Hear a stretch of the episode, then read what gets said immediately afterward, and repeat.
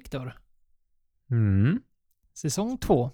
Agitator och de snackar alkohol. Sitter vi och sippar igen. Ja, det är så bra. Man, man, man ofta längtar med efter säsong två. Det behövde man inte göra. Bara en vecka. Det är bättre än de flesta andra serier och sånt man kollar på. Verkligen. Och jag tycker att det här passar ju mig mer än andra. Jag som icke kollar på film eller serie, vilket många tycker är helt sjukt. Men jag, jag är hellre Det det här. Jag sitter hellre och sniffar och dricker en agitator evidensserie. Svartvete. Och den är ju riktigt god måste jag säga. Nu har den suttit i glaset i, inte jättemånga minuter, men kanske en eh, kvart. Och den känns som den öppnar upp sig mer och mer. Jag tycker doften är så spännande. Alltså det, det, det luktar liksom nästan Lucky Pippu. En nyöppnad lakritsask och sen kör du ner snoken. Jag får den här, eh, hur ska jag beskriva det? Den här initiella lakrits, eller lakrits, hur du nu vill uttala det. Den typen av stinget får jag. I den första kanske nanosekunden. Sen går det liksom över och man bara aha, cherry, tänker man. Ja, det är ju verkligen, eh, som jag sa, det känns som tjock PX Cherry. Alltså verkligen mycket torkade frukter. Och Det är väldigt, väldigt god faktiskt. Den här, Ja, Ja, den var väldigt trevlig. Ö- Över förväntan. Och man känner ju även i smaken att det är, det är något annat. Man, man känner den här svartveten. För det ska de väl ha i, det är väl någon typ av... Så det är inte, det är inte bara korn utan... Det är väl så de gör de här, och de blandar. Jag tror inte... Det är säkert inte bara svartvete heller, utan de har ju säkert blandat korn och svartvete. Det här är ju säkert information vi snabbt kan titta upp. Men det är kul att sitta och killgissa lite först och sen, sen se vad det är för någonting. Men det här har de gjort bra. och den här släpps ju på Systembolaget eh, så snart som nästa vecka till och med. Det är som de brukar ha, en eh, 70 på 55 procent och eh, ko- kommer kosta 899 kronor. Det är precis samma pris som Samuel-whiskyn. Jag tycker det här är detsamma som vi pratade om det förra. att Som det ser ut idag, du får en eh, 70 centiliter på fatstyrka som de säger. Taget direkt från fatet.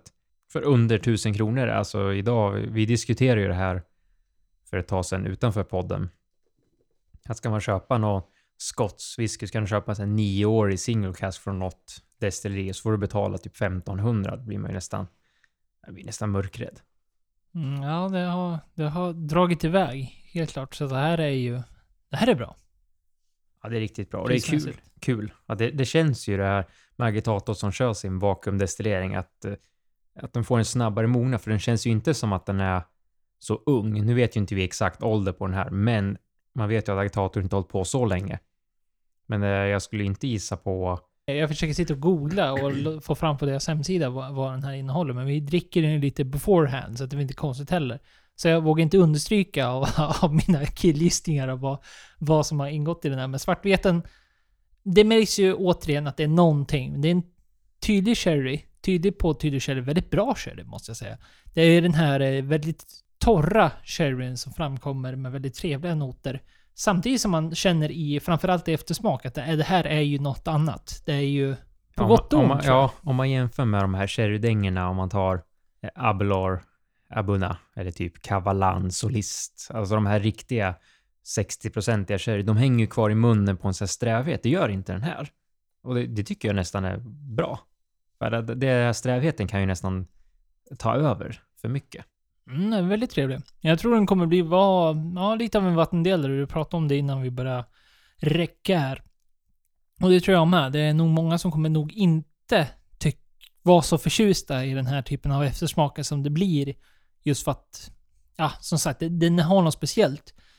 Men eh, jag säger samma sak som jag sa förra avsnittet att som en konnässör av whisky, en entusiast av whisky, så uppskattar jag väldigt, väldigt mycket när det är något nytt. Och det är något sällsynt och ja, det är väl bara hatten av till agitator att de fortsätter och eh, prova på nya saker så att man som entusiast får testa något nytt. Och det här är verkligen något nytt. Det är en ny smakprofil som jag personligen inte har någon referens till. Så det var väldigt roligt.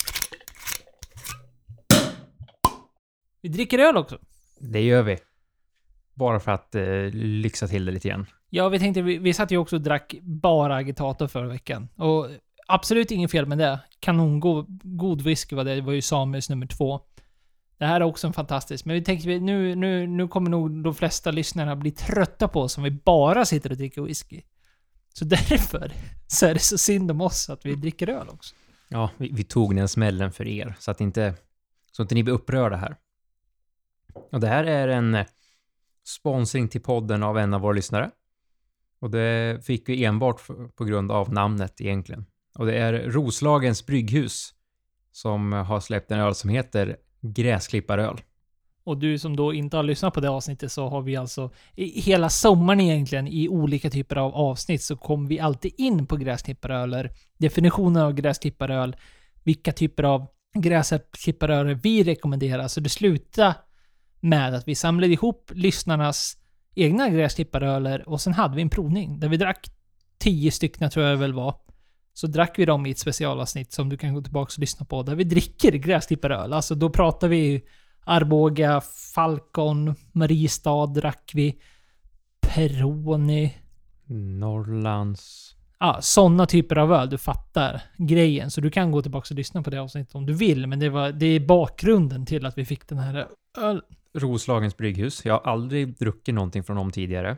Det verkar vara ett eh, litet trevligt brygghus som ligger i Riala. I Roslagen mellan Åkersberga och Norrtälje. Säger mig ingenting faktiskt. Nej, nej, jag känner igen de andra ställena. Jag har skev, men kul. Jättekul. Och de verkar ju ha gårdsbutik och alltså göra både must och andra sådana här vanliga drycker som du kan beställa hem. Och sen finns det ett gäng på Systembolaget och... Äh, kul! Alltså det, vi sa det båda två när vi öppnade upp det. Man går in och bara gräsklipper och kul. Det är ju roligt. Vi tycker att det är kul, men den var väldigt god. Ja, verkligen. Den är till synes väldigt... Den är hazy liksom. De, de kallar ju inte någonting för hazy, men den är, den är väldigt hazy, dimmig alltså i, i sitt utseende. Estetmässigt smakar starkt av eh, någon typ av nästan, man får en, här- en hint av veteöl nästan som också avgår till någonting som man tror att oj vad är det här? Typ en IPA. Den var väldigt rolig. Ja, den skiftar sig och mycket smak. Och den kostar 29,90 för en 33 glasflaska på 5,2 procent. Vad kallar de det för stil? Vad, vad? eh, Det står vad på de Systembolaget? Golden slash Blonde Ale. Ja, då är det alltså en blond eller golden. Systembolaget, de slänger ihop sådana där kategorier. Men då Så ska vi golden kanske då. Det är en porter. Ja. Nej, men det var men- väldigt trevligt. Jättetrevlig och Oavsett vad det är för stil, för sånt där är vi helt värdelösa på. Jag tror. Ja, ja. Nej, men eh, och sen är det ju, alltså etiketten är ju 10 av 10. Det är en ekorre som går och klipper gräs med en sån här gammal handjagare utan motor. Så att det bara det gör ju, gör ju den bättre än bäst. Stående segmentet. Vad drack du i helgen? Jag kommer faktiskt ihåg vad jag drack. Ja, du gjorde det. Ja, Ska vi köra den lite snabbt? Det känns som att vi har pratat länge nu. ja nu har vi pratat länge. Vi har Nu, pratat nu kanske folk har slutat intro. igen. Jag tror det. Vi, Ja. kan, vi kanske får tajta ihop det här, men vi, vi, vi, vi kör lite snabbt då. Jag var på, eller vi hade lite familjemiddag. Ja, var det kul, eller? Ja, det var kul. Ja, Gott. tack. Jättegott, tack. Bra. Drack? Ja, bra. Det var bra. Då går vi vidare. Nej, men eh, drack vanlig öl. Vi öppnade, drack två goda Bourgogne Cremants. Som var jättetrevliga. Och sen... Bubbel alltså. Ja, bubbel, För bubbel. den som inte vet. Och sen eh, vanligt Bordeauxvin som finns på Systembolaget. Men sen fick ju min bror och min far fick tag i lite roliga whiskys som vi provade på. Och jag kommer slänga upp eh, måndagsbilden kommer de här flaskorna vara med. Vi drack en indisk whisky, en eh, Rampur som inte går att få tag på i Sverige vad jag har sett. Ja, det kanske kommer ibland. En Crown Royal Rye som inte går. Och en Daft Mill som jag hade köpt. Eh, och en Kentucky Owl eh, St. Patrick's och sen Macmiras senaste identitet. Crown Royal, det är kanadensarna. Ja, det är Ja. kanadensarna. Den här vanliga blenden som den mest ser ut som en ful krona. Vad var den? Var, var, det, var, var det något att ha eller? Man har ju alltså hört mycket inom Rye och kanadensarnas Rye framförallt. Nej, Alltså, jag tyckte den var god. Eh, Alltså, Gör Det- Smith ganska o, alltså onödigt märkvärdiga med sin Rye, gör de inte det? Det, det är ungefär jo, som, alltså det är så det, det, ska är som det danskarna med sitt rye- rågbröd och tror att det är så jävla speciellt. Jo, men lite så är det ju. Men jag har ju hört dem säga att Crown Royal är väl typ de som har det största lagret i hela Kanada för att de har så mycket. Och sen när de väl släpper de här lite roligare släppen som inte går att få tag på någon annanstans förutom typ i Kanada, vilket då den här flaskan kommer ifrån. Det var ju en vanlig Crown Royal Rye på 45 procent. Och så trevlig, god rye. Det var inget superduper så här wow, den stack ut och var det bästa man druckit. Men nej, det var jättegod. Och Rampur indiska var också trevlig. En double oaked. Så jag tror det var sherry och bourbon. Också trevlig. Inget speciellt egentligen. Daft Millen var riktigt god. Den eh, som jag själv köpte, så den var ju såklart bäst. Nej, men eh, den var också riktigt kul. Jag tycker de gör bra whisky. Kentucky Owl, det är ju bourbon med eh, typ St. Patrick's, de hade väl irländsk stuk. Också trevlig. Och senaste Macmir-identitet. Vad var grejen med den då? Irländsk stuk säger du? Var den trippeldestillerad och grejer då? Jag tror det. Jag, alltså, vi har ju drack den här på mässan förra året också, eller i år var det till och Mm. med. Och det, det är ju alltså... Det tar du väl bara doften eller? Ah, minst tre gånger. Ja. Ja.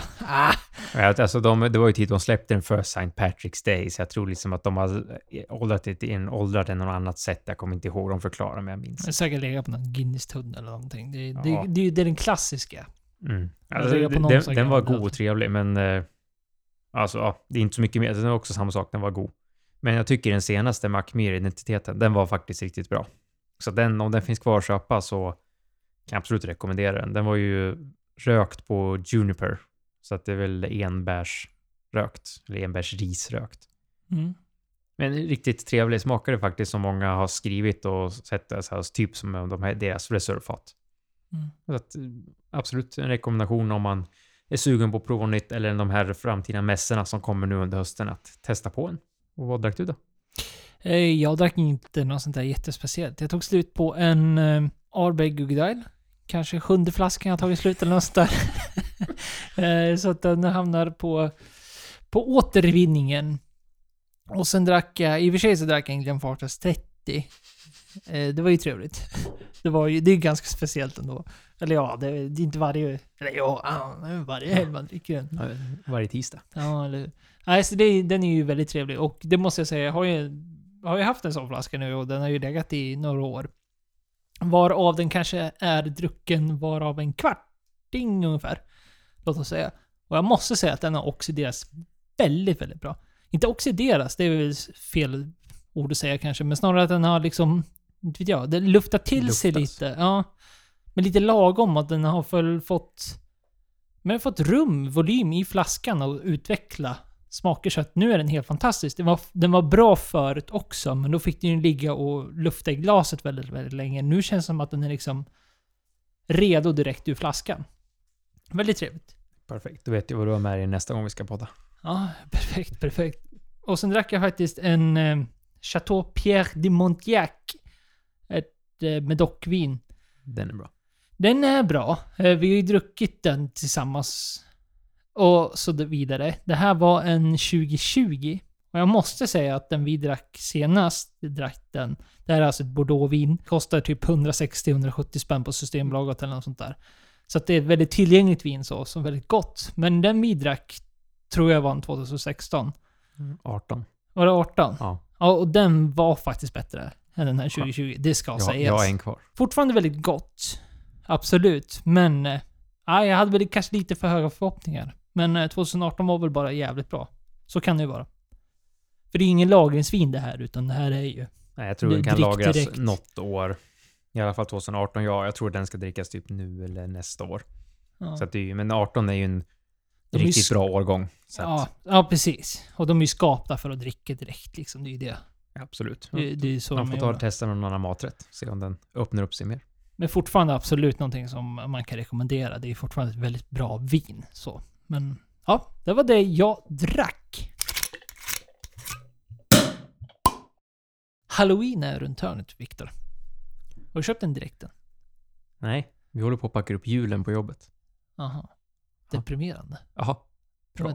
Tack. Kan, kan, vi få, kan vi få fram det här budskapet? För alla jag säger till säger men det är inte ens vart halloween. va? Nej, men Ja, du kan väl spela det här avsnittet på ditt jobb. Det är väl inga svårigheter. nej då. Ska gå på Så- repeat. Ja, kanske vi får fem lyssnare till eller någonting. Värt det. Nej, men eh, halloween är väl kanske inte någonting man, man håller på med, eller? Gör du det? Nej, alltså jag tror senast gång man körde halloween och sånt, det var ju typ när jag hade fest här för flera år sedan. Då var ju du också här, men ja, Mm. vad är det? Sju år sedan? Det, det är det, det känns som att man, man fastnar i fester. Det, inte, det har inte det här kulturella inslaget som man kanske ser borta över Atlanten och egentligen engelsktalade länder överlag är väl ganska duktiga på halloween. Ja, och då, de firar ju det liksom på riktigt. Och där är det kanske mer att julen kommer inte fram först efter halloween. De har ju även Thanksgiving som inte vi kör heller. Nej. Nej, och vi fokuserar väl lite mer på våran alla helgon och hela den biten. Det är väl en vecka efter, är det en vecka efter halloween eller något sånt? Jag vågar inte säga. Skitsamma Ja, säger inte vi. viktigt. Nej, poängen med vi, vi plockar fram det här, är, ämnet i sig, är i alla fall att det händer ju roliga saker inom, inom, inom dryckesvärlden runt halloween och alla typer av högtider. Och det här är väl framförallt då The Kraken. Så råkar du då vara i London så har de en bar som då ska öppna upp och försöka skrämma skiten ur den. Och ju mer BPM du har, alltså hjärtrytm, vad säger man? Mm, Hjärtslag. Ja, hjärtslag. Ju högre hjärtslag du, du får på... De moniterar dig liksom. De sätter dig på monitor så håller de koll på. Ju mer BPM du har, desto mer får du betala för din drink. Jag skulle stänga av den där. Nej, det funkar inte. Gratis. Ja, det är ju ett väldigt roligt koncept. Det är ju verkligen ett sätt för att liksom få folk att eh, visa sig match. Jag tror att det här blir väldigt grabbigt. Det här kommer vara en sån här kill- killar kommer gå in och säga ja, så jag är inte rädd för någonting. Sen kommer det liksom visa sig att de här visst är rädda. Kommer inte det här bli en sån här extra grabbig grej? Så att det blir en grabbig grej på det sättet att grabbar tror att de kommer vara bra på det här. Men så kommer tjejerna vara bättre. Ja, garanterat. Alltså, det det kommer var- vara några få som, som är skiträdda som liksom kommer vara det. Men jag tror absolut killarna kommer gå in lite macho och säga ja, men jag är inte rädd. Och så kommer de vara skiträdda och säkert, som du säger, förlora mot några tjejer så kommer de vara svintjuriga för det.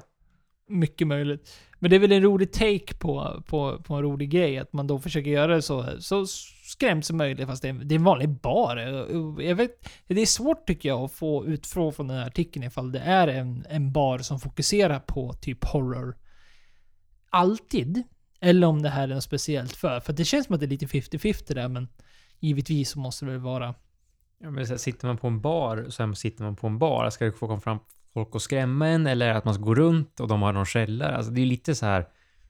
Hur får man det till bra? Det är som vi ska åka till Liseberg eller Gröna Lund och gå i spökhuset med det här. Då får man ju den känslan skulle jag säga. Alltså, hur, så då får jag betala mer för nu blev jag väldigt rädd. Men sitter man still på en bar och så kommer någon och skrämmer en så är man lite småberusad. Kanske man inte ens märker att man blir skrämd. Ja, så, så kanske det blir. Det är, ja. Det är ett roligt koncept i alla fall. Jag, Ja, jag, jag ser hur det här kan flyga lite grann och just eh, just i engelsktalande länder som säger, där, där tror jag det är ännu mer lite den machokulturen och vill visa sig, visa sig orädda. Det är en rolig take för att det är ofta man ser det, framförallt här i Sverige, nu ska man inte generalisera alldeles för mycket, men just de här, om man tänker då att man går all in, så känns det att det är mer nattlivsrörelsen här i Sverige. Och det är inte fel med det heller, absolut inte. Det är kul att, ja men, gå ut i ett gäng, klä ut sig, ha en rolig förfest och sen gå ut på en, på en nattklubb. Det är absolut inget fel på det. Men det är kul att det, man får ett sånt här koncept just för bar, eh, i, inom barkulturen.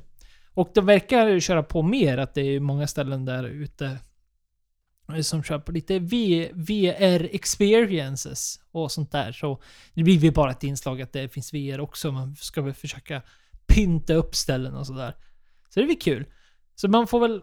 Kan väl vi ta akt nu och påminna dig som lyssnar att det är snart dags för den högtiden. Så kolla med din lokala bar eller en bar nära dig och se ifall det är några som kör på något roligt tema. Det finns ju jättemånga roliga drinkar man kan göra till tema halloween. Bålar och allt vad det är. Och så har vi pumpaölen så kommer det till som är mycket, mycket större i USA. Men jag tycker att du ska kolla upp vad som finns nära dig. Och nu har de varit igång igen. Dessa smugglare av alkoholhaltiga drycker. Och denna gång är det vin. Ja, man blir så... Inte bra, inte bra. Nej, inte bra. Nej. Men nu har de åkt fast. Det är bra. Det är bra. Så är att bra. vi har något positivt att tala om här. Och det är... Vi har tagit upp det här tidigare. Det har hänt, ganska många gånger i år. Jag tror aldrig reflekterat hur många gånger det här faktiskt kommer upp. Eh, Det är ju Hongkong. Denna gång. Jag har för mig att det har varit i USA och det har varit i Kina. Ja, alltså det, jag håller helt med att det också, i och med att vi började den här podcasten, så har jag blivit mer varse om det. Men samtidigt som det, man kanske inte skulle blivit så förvånade, men det är ju, det är ändå en miljardindustri. alkoholhaltiga drycker är. Och andrahandsvärdet på vissa flaskor är ju helt galna. Ja, i den här artikeln som The Drinks Business har lagt ut så säger de ju att de har tagit flaskor för ungefär 10,4 miljoner pund. Det är mycket. Det är mycket pengar det. Med dagens svenska kronor så blir det ännu mer. Ja, ja, dagens svenska krona, det, den ska vi inte ens handla i. Men det jag tänkte ta upp med det här är ju egentligen, alltså det är, det är ju en marknad för det. Men vem är det som köper och säljer? Visst, det går mycket på auktion som de försöker få ut. Men det är nog väldigt många restauranger och privatpersoner som gärna köper det här som troligtvis vet att det är halvt stöldgods. Men som vill ha det på sin restaurang, eh, sin klubb, sin bar eller i sin privata samling. Mm. Ja, den är svår. Men man förstår ju att det, det är nog många restauranger, det tror jag. Många restauranger. Just för att det blir så svårt och... Eh, svårt blir det väl inte. De måste väl också ha någon typ av inventarier, kanske lättare. Men eh, det är väl en helt annat omfång i en restaurang. Att det, det är inte konstigt att en restaurang, en fin restaurang, har fina flaskor. Och visst, då kanske de måste marknadsföra eller bokföra det på något sätt så att man vet vilka, vilka flaskor man har haft och när man har sålt dem och allt vad det är. Så det kanske, nu när jag tänker efter, kanske är svårare. Men annars tror jag att det är mycket de här som vill ha en hel collection. Alltså privata samlare som försöker, inte enstaka flaskor, harva sig fram i sin sparande. Utan de, de vill samla ihop allting som att de har en stor samling. Och då märks det ju väldigt, väldigt sällan om du har någon som en utstickare. Det blir ju, man ser bara helheten och då tror jag det är ganska lätt att dölja sådana här att man har fått fram saker på ett ganska shady sätt ibland. Det blir ju givetvis jättesvårt om du ska smuggla en hel samling på en och samma gång. Men sprider du ut det lite och tar några flaskor, de här svårare att få ta fram, ja men då, då kan jag nog se det att eh, det finns en lukrativ marknad där ute för, för folk, tyvärr, att köra på den. Det tror jag också. Och Just i den här härvan så har det varit mycket Moets och så har det varit Sakes och eh, Penfolds.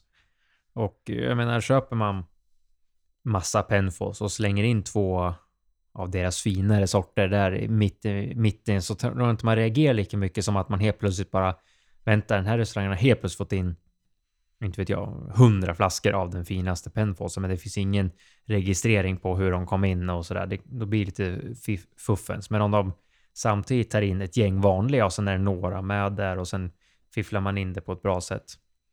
Så tror jag absolut att eh, det går att dölja. Men det blir ju lite där, hur många är det som har koll på vart det kommer ifrån? För jag tror att det är mycket fuffens överlag och de vet att det är halvt stöldgods eller inte kommer från lagliga håll.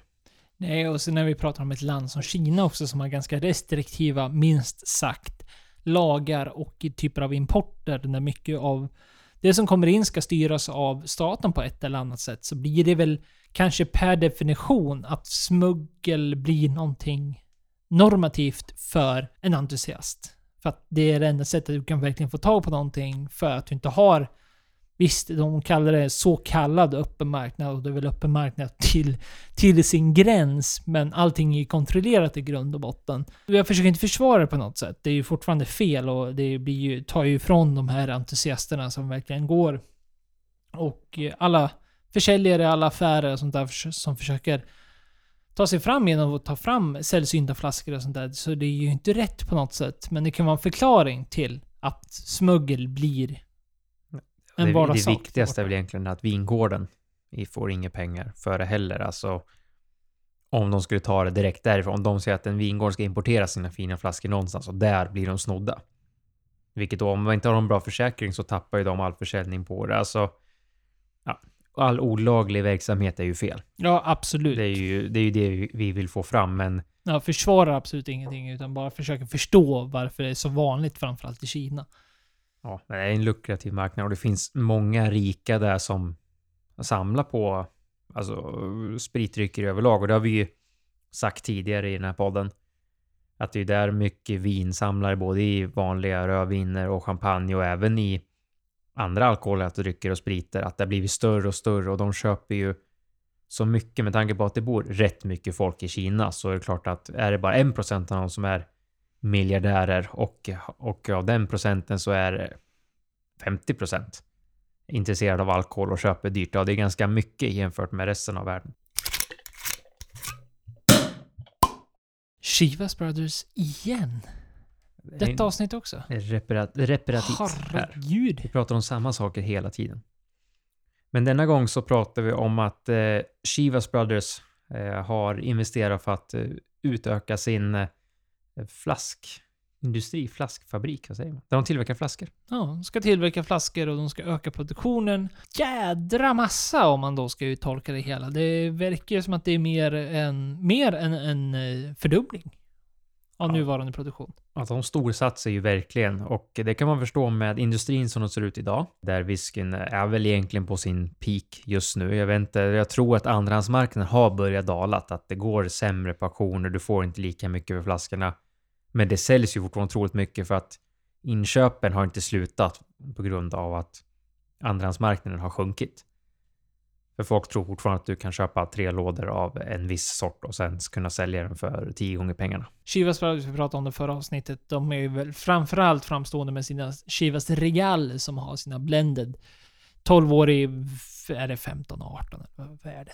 Strunt samma. Ja, jag tror det. 12 år är i alla fall den som tror jag. Den har nog nästan alla druckit. Jag druckit den. Så med det sagt så är det ju alltså, de gör whisky som är tillgänglig för många och då, då blir det ju kvantitet helt enkelt. Det är inte svårt att tänka sig att de behöver väldigt många flaskor. Och inte nog med det så ägs ju själva Chivas Brothers som då äger Chivas Regal och de är, även ägarna här är väl lite, lite, jag tänkte säga självständiga, men det är väl egentligen inte. Men de har ju en huvudägare i Pernod Ricard. Som äger märken så som Glenlivet, Bushmills och andra större giganter. Så att även här när vi diskuterade förra avsnittet just om hur, hur deras Ayla destilleri som de ska öppna och planera öppna kommer säkert kunna återanvändas till hela portföljen av Pernod Ricard. Så kommer det här givetvis kunna bidra med samma sak. Om det blir något över. För Chivas Gall säljer ju i otroliga mängder. Det gör ju även de andra under paraplyt eh, Pernod Ricard. Så man kan tänka sig att eh, de, de kommer producera åt alla dem. Och det är ju ett sätt för dem att, ja visst det blir mer kostnader för dem, men de kan köpa dem för ja, gross price, inköpspris typ. Och eh, sen är det ju det att just nu är det mycket som tillverkas, men skulle marknaden mättad så skulle ju de kunna tillverka glas åt andra, vilket gör att de fortsätter få in pengar. De har fortsätter säker, säker leverans av sina egna glasflaskor. Eh, Och de kommer kunna leverera åt andra om det så behövs, men inte jag tror alls att det behövs. Ännu ett kort i den här marknaden. Vi har ju rapporterat om att McAllan har köpt eh, eller köpt in sig och köpt upp eh, sherry tunnor, alltså de, de som tillverkar sherry för att säkra sin, sina tunnor. Här är ett sätt att säkra sin glastillverkning. Så att det, det märks att de här stora som har mycket pengar och sånt, de köper in sig i marknaden för att kunna fortsätta leverera på topp. Vilket då är ju en annan fråga som vad händer med den mindre aktören? Det här är ju bara ett ännu starkare bevis när vi var och letade runt lite i den lådan förra avsnittet just hur Chivas Brothers verkar dra på sig ett, ett typ av tillverkningsmonopol. Alltså att de ska bli helt oberoende av andra aktörer runt om och bara kunna bistå själva med all typ av produktion från botten till toppen till tillverkning till export i, i sin fulla förpackning. Och det här är väl återigen någonting som bara cementerar den idén att de kör för att bli helt oberoende av andra aktörer. Så givetvis, det du är inne på, så kommer det här påverka mindre aktörer. Men Chivas Brothers kommer nog bara fortsätta med det här, gissar man väl. Vi är inne på andra säsongen av Agitator, detta avsnitt. Andra säsongen av Chivas Regal i detta avsnitt. Och nu går vi in i tredje säsongen av gammalt vin. Eller vad det nu kan vara. Vin tror jag inte det här längre, men någonting som någon gång en gång i tiden var vin. The Drink Business, där vi, hit, eller där vi läser artikeln om, så har ju de eh, den fina första meningen i det här. Some vintages are described as very, very old. Men det här portvinet är 1697 år. Det är gammalt. Det är jävligt gammalt. Det är alltså någonting som man har hittat och som finns och existerar i Tyskland. Som man hittade, som man tror går tillbaks till år 325. Någonstans vid Konstantin, alltså Konstantinopel, dagens dagens Turkiet blir det ju. Ungefär. Tror man att man hittar den här. Eller ja, tror man att den originerar från alltså. Det är ju efter de har eh, hittat en gammal romersk grav som de har, ja, jag säger ju inte plundrat, men de har väl, vad säger SQV? Ja. Ja, ja, Ja, men, de har- ja, ja, men Så de har öppnat upp och tittat och då har de Arkeologer, arkeologer. De, de plundrar ju inte utan Nej. de gör ju sitt jobb. ja, som Indiana Jones. Men alla andra plundrar. Men de, Men eh, där i alla fall har de hittat den här flaskan med vin som det fortfarande finns kvar i. Ja, det är väl egentligen helt fantastiskt att det fortfarande gör det. jag, jag fattar inte riktigt hur det här har gått till. I och för sig, man, eller ja, det- inte så att man inte fattar. Man fattar ju liksom eh, lagringspotentialen i framförallt portviner och viner överlag. Och hela den här jäsningsprocessen som vi vet med alkohol och allt vad det bevarar ju väldigt mycket och det tar ju otroligt lång tid. Men man kan ju ändå tycka att det borde ha försvunnit, avdunstat, sippat ut på något sätt försvunnit, evapuerat när det är 1697 år gammalt. Men det har det inte. Det är ju inte vin längre, givetvis, utan det är ju någon typ av fast sörja, säger man ju. Men det är ju vad som en gång var vin. Det är ändå fantastiskt. Sånt här, vi har ju pratat om det här i tidigare avsnitt, typ de två senaste. Att vi är ju lite history buffs och hur ofta tänker man på Rom, romarriket? Här är ju bara en återblick att vi tänker på det ganska ofta för att vi återkommer till det nu i det tredje avsnittet. Åter och åter och åter igen. Men har du då hängt med lite med i svängarna och vet om att det här har funnits och du vet att det finns så här gammalt vin, då kanske du tänker, ja, men varför pratar de om det här nu? Och det är ju för att man skickade in det här på tester. Och grejen är att det nu har kommit tillbaks från testlabben och man bedömer det som att det är helt okej att dricka det här vinet. För historien skulle, man skulle hitta två, som man säger med alla viner. Man skulle köpt två. Så att en de kan spara och bara låta stå, men en ska de öppna.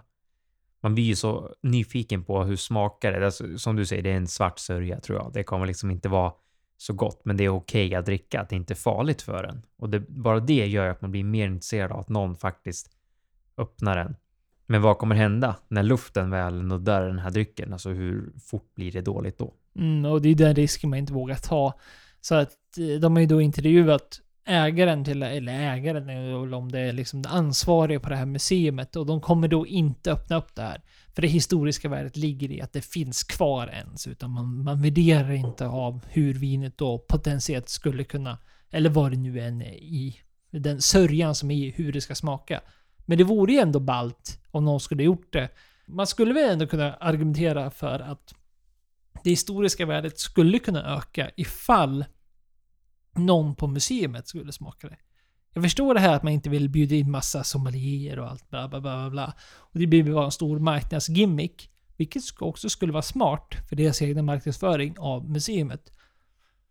Men det skulle ju ett historiskt värde ifall museiägarna och vissa guider ändå hade smakat lite. Så att när de väl pratar om museet så kan de ändå säga ja men det där smakar sådär. Gissningsvis inte gott heller. Ja men det är svårt. Det är jättesvårt, men det är ändå fascinerande. Och sen är det ju... Eh, folk kanske blir så här, men det här är ju en gammal nyhet och så här, för, eller att de aldrig har hört det här. För att de hittade ju det här vinet 1867. Så det har ju varit länge, länge där liksom de har, de har vetat om det här. Det är nu de har gjort tester för de har haft så bra kvalitet. Men att den ändå har överlevt så länge som den har gjort nu över ytan. För jag är mest... Sitter den i en grav och du lyckas försluta så det inte finns någon luft, då kanske det liksom inte evaporerar någonting, att det liksom håller sig, för det finns ingenstans att ta vägen. Om det är så det har varit. Så måste det ha varit. Att det har biologiskt hållit sig bra i, i sin behållare. I, i, som, då som en grav är. Och sen har man då exkaverat det och så har man snabbt liksom insett att ah, men det här är svingammalt nu, nu håller vi kvar det. För att de hade ju också kunnat dragit upp det här. Det är väl... Jag menar, arkeologi är en ganska modern del av vår historia. De har inte funnits så där jättelänge och kunskapen om att bevara saker för det historiska värdet är också ganska nytt om man då tänker modern historia. Så att det är också bra att det hittades i den tiden det gjordes som man faktiskt... Jag menar säga att det hade hittats för 200 år sedan och det hade varit några så här halvminers eller något sånt där liksom. Men de hade korkat upp det där liksom och bara fy fan spottat ut. Så hade de hällt ut flaskan och så hade, var det, hade ju den historien varit slut. Så att, ja, det, man ska väl givetvis se det roliga i det här men det är helt sjukt att det alltså finns ett drickbart vin från som är 1697 år gammalt. Och är det någon som har smakat något liknande så får ni gärna höra av sig till oss på kontakt snackaralkohol.com. Dagens ämne kommer tyvärr, tänker vissa, handla om whisky. Det kommer bli mycket whisky nu. Jag vet inte ens om kommer det här vara... Jo, men lite generellt kommer vi nog kunna prata om andra typer av drycker och så vidare. Men artikeln vi utgår från var Liquor som pratar väldigt mycket utifrån whisky. Men vi kommer lägga till så vi pratar lite om viner och, och, och öler och så vidare inom det här ämnet. Det kommer vi kunna göra. Mycket whisky. Det är väl för att vi dricker mycket whisky. Nej, bara whisky. Du drack ju whisky. Det la du ju till och med upp på en eh, sån här händelse. Du satt och provade whisky på en torsdag. Ja. Galning. Fan, bästa torsdagen någonsin. Crazy. Fick en kompis, en jobbarkompis, jag skrev så vad håller du på med egentligen? Då skrev jag, nej men det är ju, det här är ju vetenskapligt. det är viktigt. Nej men jag hade, jag hade ju en lineprovning som eh, provade lite roliga whiskys. Det var lite olika, några världswhiskys och så var det Speyside och Highland och lite unga, mycket independent, bot independent bottlers. Och jätteroligt. Och det kom, alltså den roligaste som var var att det var en belgisk single grain som jag tyckte smakade jätte, jättemycket viol. Och alla i den här provningen tyckte att det var den sämsta, att det, var, det var inte alls bra. Jag kände bara att alltså, det smakar inte whisky. Det var, det var väldigt intressant. Mm.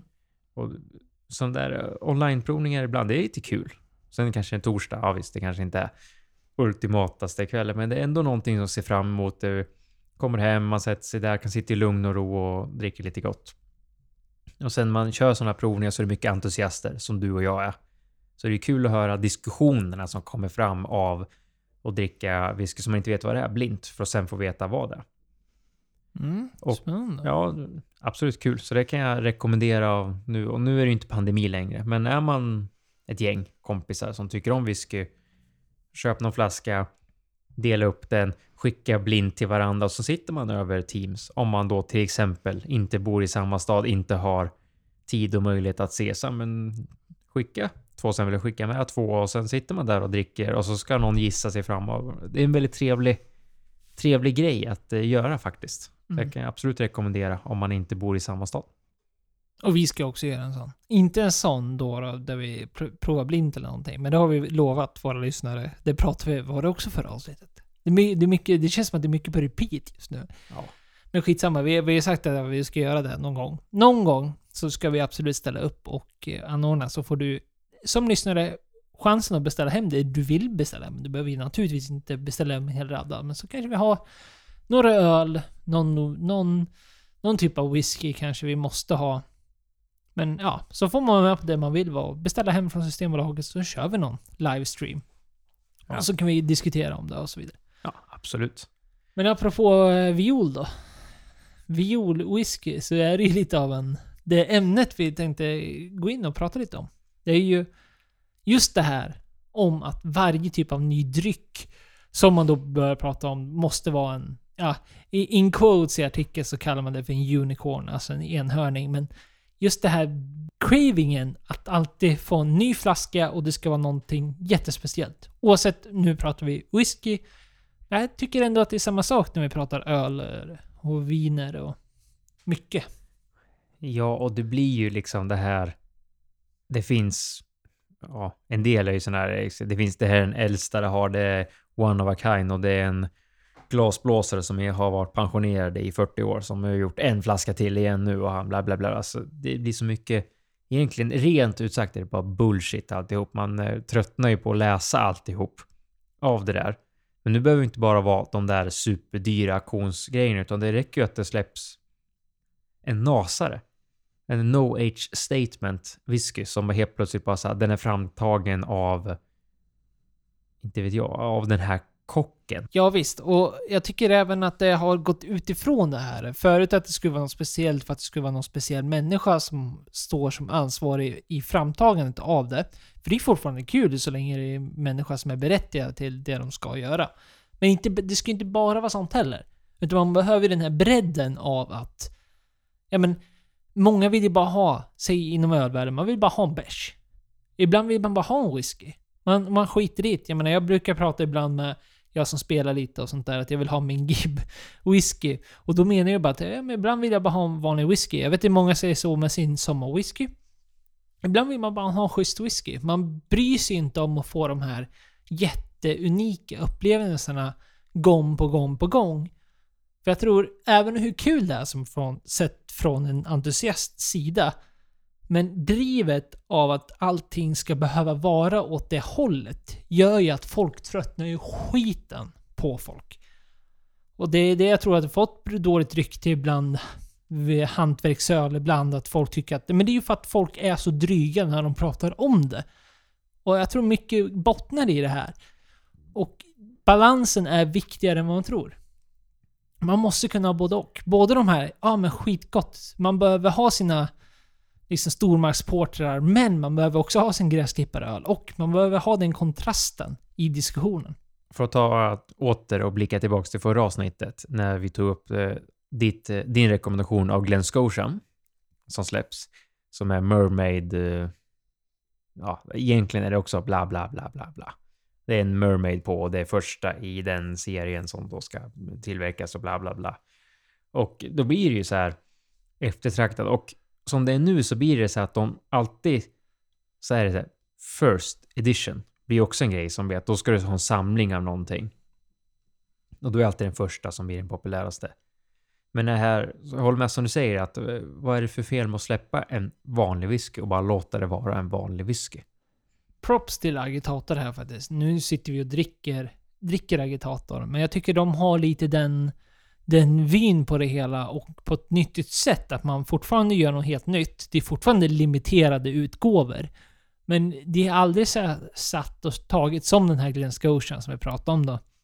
Att det här är liksom limiterad utgåva nummer ett. Och sen ska det vara någon serie för att man vet att marknaden kommer bli påhypad av det. Och att priserna på efterhandsmarknaden kommer gå upp. Agitator gör ju snarare det här att de lägger fram en, det här är något helt nytt, nytt från våra lager. Kul för dig som är entusiast, kom och prova. Det är en limiterad uppgåva för informationen känns det som. Men de säger ingenting, så att det tyder ju på att de kan lika gärna släppa samma typ av uttryck i framtiden igen. De de liksom lägger sig inte bakom med marknadsföring att det är limiterad utgåva nummer ett. Det håller jag med Det är, det är bra, det är så det ska vara egentligen. Och pratar vi nu i whiskyvärlden, som den här artikeln handlar om det, och eh, i ärlighetens namn så är det det vi har bäst koll på där. Och många av destinationerna vi har pratat om, som vi faktiskt köper och dricker och tycker är gott, är ju experter på det. Till exempel typ Ardbeg, och eh, Macallan. Det är väl de bästa, ja vad ska man säga, som bara skiter ut idéer som inte har någonting med whisky att göra, men för att göra det till en unicorn. Och Ardbeg tror jag kommer släppa någon whisky nu, typ en 23-årig som är Y2K för att den släpptes här 20, mellan 1999 och 2000-tal och det är så här Who the fuck cares? Det har ingenting med whiskyn att göra. Det blir liksom det här, men det är liksom en unicorn för det kommer bara finnas en viss anledning och det är för det här som hände här. Det är ju så här. Nej. Nej, och jag tror makten bakom det här är ju som vanligt kommer ju alltid vara konsumenten. Och det är väl entusiasten där bakom oavsett om vi pratar viner och... Men jag tror varför vi pratar så mycket mer åt ölhållet eller spritdrycker rent generellt så som whisky eller något sånt där. Det är för att viner har redan sina årgångar och de har de här unicornsen som blir per automatik beroende på hur bra skörder och sånt där blir. Fast de nej, givetvis skapar sina unicorns också, framförallt inom champagne och sånt där. Så det finns ju även där. Men jag tror snarare attityden som entusiast och den typen av balansen man behöver ha med sig i det här. Alltså att man inte går på de här Alltså jag säger det också i airquotes, att gå på. För att det är ju ofta så att, jag menar, en unicorn kan ju också vara helt fantastisk. Vi pratade om Baumar 26 som var i, i fransk ekfat. Uh, slutlagring på, som jag tycker är helt fantastisk. Och den är väl lite av en quotes unicorn. För att den är ganska svår framkomlig. Eller tillgänglig menar jag, förlåt och dyr och den är lite speciell. Och den är ju en unicorn så det behöver ju nödvändigtvis inte betyda att det är någonting dåligt. Men det är snarare attityden man som konsument, som entusiast har till detta. Det vill säga att man inte bara jagar efter unicorns. Det är kul att ha sådana här nya som vi pratar om nu med den här agitatorn svartvete som vi pratar Det här är något annorlunda. Det är någonting speciellt. Precis som Baumor 26 är. Det är kul med de unicornserna.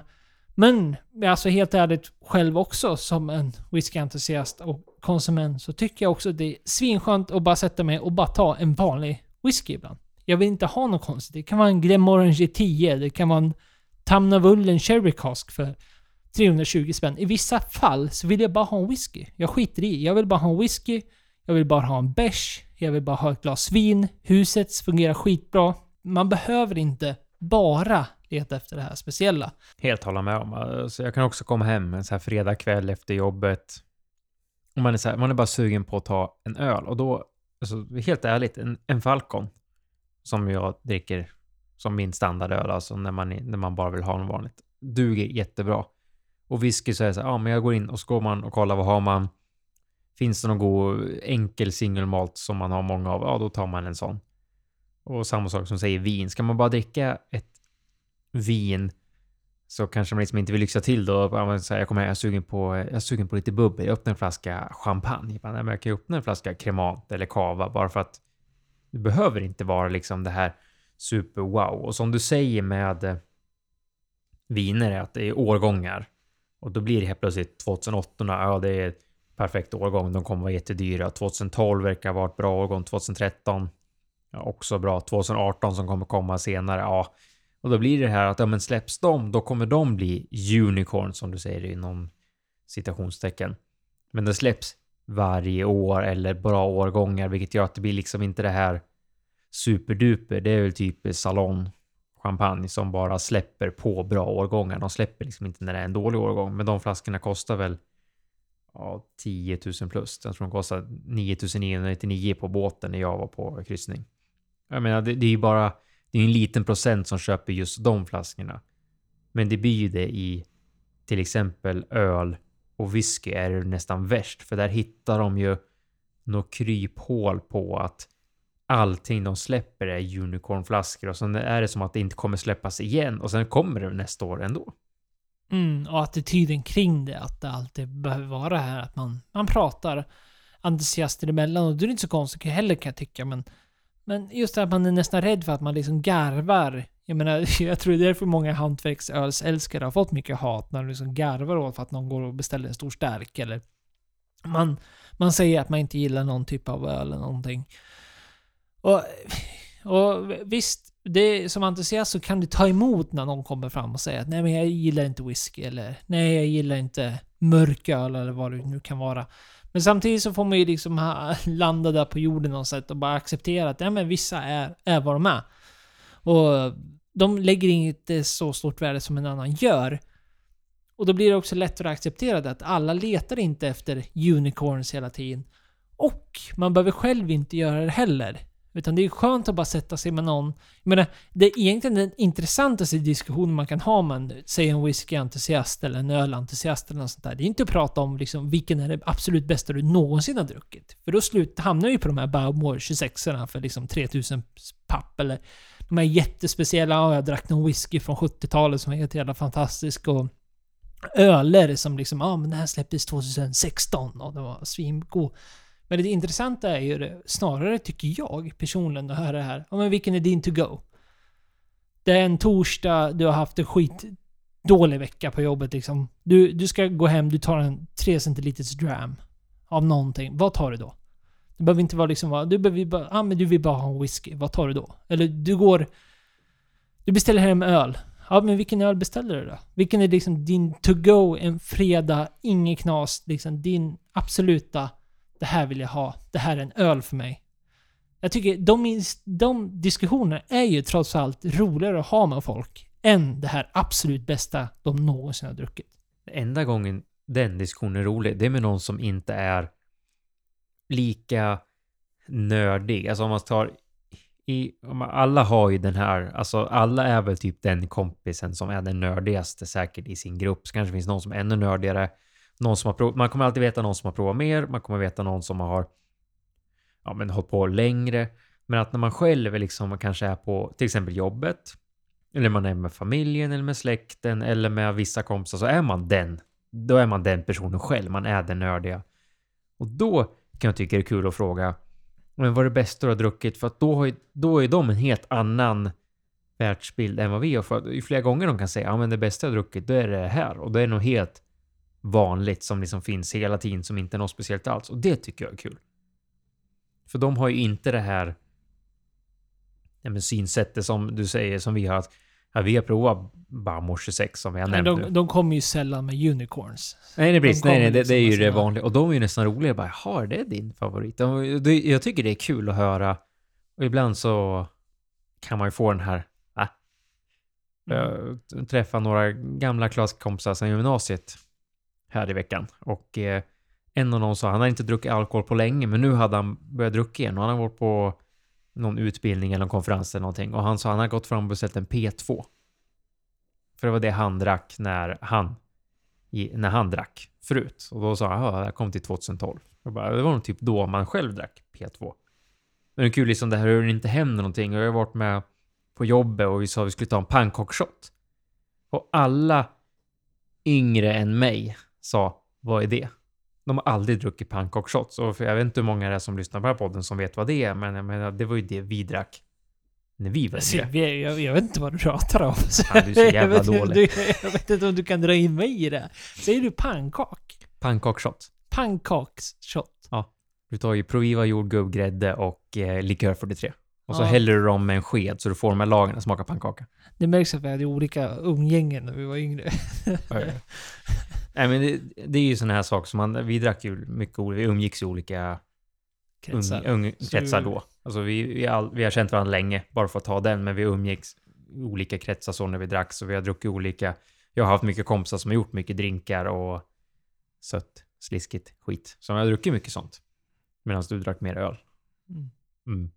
Men det, det gör ju det. det alltså det är ju, nu kommer vi av topic här med det här unicorns. Men att det är ändå kul att höra de här som inte dricker unicorns. Och som kanske helt plötsligt kommer fram det här någon gång med och säger det här att ah, men jag provade en, en champagne. Helt plötsligt så drack de en vanlig Moët eller Tattinger eller Paul Roger och bara det här var ju jättegott. Och då, tycker jag det är kul. Bara, ja, men för en annan som jag som dricker mycket champagne tycker liksom att jag tycker de är goda. Sen har man ju druckit lite finare och bara ah, men det, det händer någonting mer. Men det är kul att höra den diskussionen med den kompisen som då inte är lika nördig som en annan är. För säg, frågar man en whiskyentusiast vad det bästa han druckit, då kommer den där. Ja, jag drack en 30-årig Brora eller jag drack något från 70-talet som var... Mm. Eh, och det går inte att säga något annat än att det, det är också intressant ibland, som från entusiast till entusiast. Så är det. Men där vi slutar den här diskussionen och där vi vill hamna någonstans är just att hålla den här balansen. Allting behöver inte vara en unicorn. Det är okej att liksom ha någonting där mittemellan och ibland blir det bara ah, ja. Så här blir det bara. Måttigt är ändå bäst, även där. Absolut. Och släppa en vanlig whisky. Och alltså, folk måste sluta tramsa. Det är många som släpper i just whiskyvärlden. och Alla vill ha starkare, starkare. Springer om någon släpper någonting på 59% skulle någon säga. Ja, jag önskar det var fatstyrka på 62. Så att eh, det här att, att nöja sig med att ja, men det är så här det är. Ta, tar det som det kommer och testa den. Sitt inte och bedöm det innan du ens har smakat den. Veckans släpp. Folk har sitta spänt, clinchat röven för att nu kommer det. Veckans släpp, vad ska de höja till skyarna denna gång? Det blir inte lika långdraget som jag gjorde förra veckan. När jag blev väldigt exalterad över Glen Scotia. För vi små Över pissa en, lite på nu. över en unicorn. Ja, Ja, Det är var- inte en var unicorn, ju- det var ju en mermaid. det kommer ju bli en unicorn tror jag, i framtiden. Absolut. Inte nu, för nu kommer alla haka på den. Och Absolut. Och eh, som sagt, pissa på låter ju fel. För att jag, piss, jag tror det kommer vara en fantastisk whisky. Glen Scotia är skitgott. Men det, det, själva historien och allting blir ju lite av som det vi diskuterar nu, en unicorn. Ja, så blir det ju. Men det här avsnittet, avsnittets släpp, får man kalla det för. Nästa veckas släpp är ju, det är ju bra. Alltså det är ett jättebra släpp. Och det är svårt att välja. Jag har bara valt en. Jag vet inte hur många du har valt. Ja, Jag valde också bara en för att Bara en. ja, det, det är ett bra släpp. Och jag tänker tyvärr vara så tråkigt så jag väljer en whisky. Men jag vill värna för att det släpps väldigt mycket. Vi har ju pratat om Barolen nu. Det var några avsnitt sen. Vi har pratat om både Nebbiolo och Barolo som är Nebbiolens kung. Kungen av vin, Barolo. Och det är jättemånga årgångar som släpps 2019 och 2019 ska vara ett fantastiskt år från när det kommer till Nebbiolo. Så att jag vill bara ge en Shoutout till Barolosen där ute. Det är både högt och lågt ska sägas. Alltså inte bara jättedyr utan du får även lite prisvärda saker och sånt där. Så kika på det. Så måste säga, nämner ingen speciell flaska utan bara rent generellt så om nästa veckas släpp. Men flaskan jag tänker välja är Bunnahabin Single First Phil Cherry Hogshead Selected by Symposion. Symposion 2009. 1588 kronor. Bunnahaven. Bunnahaben som då är ett Isla-destilleri. Och det här är alltså, Symposion är ju då, har varit länge nu, varit med lite i, sen 90-talet tror jag, varit med i matchen och importerat olika typer av spritdrycker för, för entusiasters skull. De är ju riktiga nördar när det kommer till spritdrycker. Väldigt duktiga och det här är ju då en eh, tunna de har valt från Gordon McPhail. som är då producent av denna, som också då en, in, de är ju då en independent bottler. Så att det här kommer inte direkt grundmässigt från Bunahabin som destilleri. Utan Gordon McPhail har då köpt in den här tunnan och sen har nu Symposium valt ut att det är den här tunnan vi vill buteljera. 2009, jag tror den här kommer vara helt fantastisk. Det är en 70 på 57,1%. 1588 kronor är absolut inte billigt, men för det du får här, alltså en, en högkvalitet whisky på 57,1 med sån typ av punch som Symposion har och kunskapen de har från en independent bottler som Gordon MacPhail så tror jag att det här kommer vara helt fantastiskt faktiskt. Så jag tror det kommer vara värd varenda krona. Ja, det tror jag med. Eh, Jag har också spanat in och kikat på den här. Jag valde inte den, men ja, Symposion väljer bra tunnor och så här Gordon MacPhail, bra. Bunnahaven, bra. First Fill Sherry Hogshead på 57,1, bra. Priset, Ja. lite dyrt. Men det är, 1588 släpps den 27 tionde. Och det är lite så det är just nu, så man får väl ta det som det kommer. Men mitt enda släpp, valde också bara ett för att tänkte att vi ska inte dra ut på det här för länge, är ett kärt återseende på Systembolaget. Det är en Port Charlotte Heavily Peated 10 Years. Det är bra. Ja, den är bra. Den kommer Bra, bra, tillbaks till eh, Systembolaget. Det var till och med en av våra trogna lyssnare som hörde av sig och frågade om vi visste varför den var borta. Och då blev man så här, har den försvunnit? Och sen såg man att, ja men den troligtvis har slut. Den här är ju, har ju varit med i den här Online Scotch Whisky Awards tidigare år som typ den bästa eh, brukswhiskyn och eh, bästa whiskyn du kan köpa. Eh, så att det här är ju en fantastisk bra rökare från Bruichladdich Distillery. Deras rökiga Port Charlotte. Och jag tror helt ärligt att den, den har fått sånt uppsving nu så att den har tog slut. Och nu så den, eller så den försvann från Systembolaget en stund, men nu är den tillbaks. Och jag måste ju slå ett slag för det här. Tycker du om rökig whisky och vill liksom känna på eh, riktigt bra rökdänga så då är det här det du ska köpa. Jag har en flaska, du har druckit upp en flaska. Mm. En Och- liter till och med. Ja, men den är riktigt bra. Riktigt, riktigt bra. Och den, det är en f- 70 på 50% kommer kosta 799. Så att det är absolut inget att bua för. Släpps också den 27 tionde så att eh, absolut en rekommendation för en bra, bra brukswhisky i det rökiga slaget. Jaha, ja, det var det. Det var det avsnittet. Det var alldeles... Avsnitt 39. Klyschigt säger jag, men tiden går och så vidare. Ja, det går väldigt fort nu. Allt på det. Men vi har druckit. Agitator, fantastisk. Ölen, fantastisk. Absolut. Och Agitator släpps ju också nu, det här släppet som kommer, så att, eh, så att ni har koll på det nu. Att den faktiskt dyker upp här nästa vecka, eller den- denna vecka. 26 oktober Ja, det är ju dyker den upp. Så att, riktigt håll bra. koll. 899 kronor. Och var väldigt speciell. men Väldigt väldigt speciell. god. Väldigt vi. god. Ja. ja. Trevligt. Trevligt, trevligt. Trevligt, Tack för att trevligt. du lyssnar, som vanligt. Ja, tack så mycket. Och om ni har orkat lyssna igenom allt eh, käbbel och tjat och repetitiva meningar om eh, tidigare avsnitt så kan ni ju höra av er till oss på kontakt snackaralkohol.com eller till Facebook och Instagram och säga hur mycket ni tycker att det är tråkigt med att höra repriser. För sådana har vi ju, sociala medier. Gå in och följ oss där. Vi är många. nya varje vecka. som går in och lyssnar och det är väldigt kul för oss att se. Så häng med där. Vi släpper bilder på måndagar på varenda släpp vi pratar om så att du ska få en visuell bild och en påminnelse för veckan som kommer. Och vi lägger ut lite annat möjligt trevligt som händelser och lite annat smått och gott som vi gör vid sidan om runt den här podcasten. Om inget mer att tillägga så hörs vi nästa vecka. Hejdå!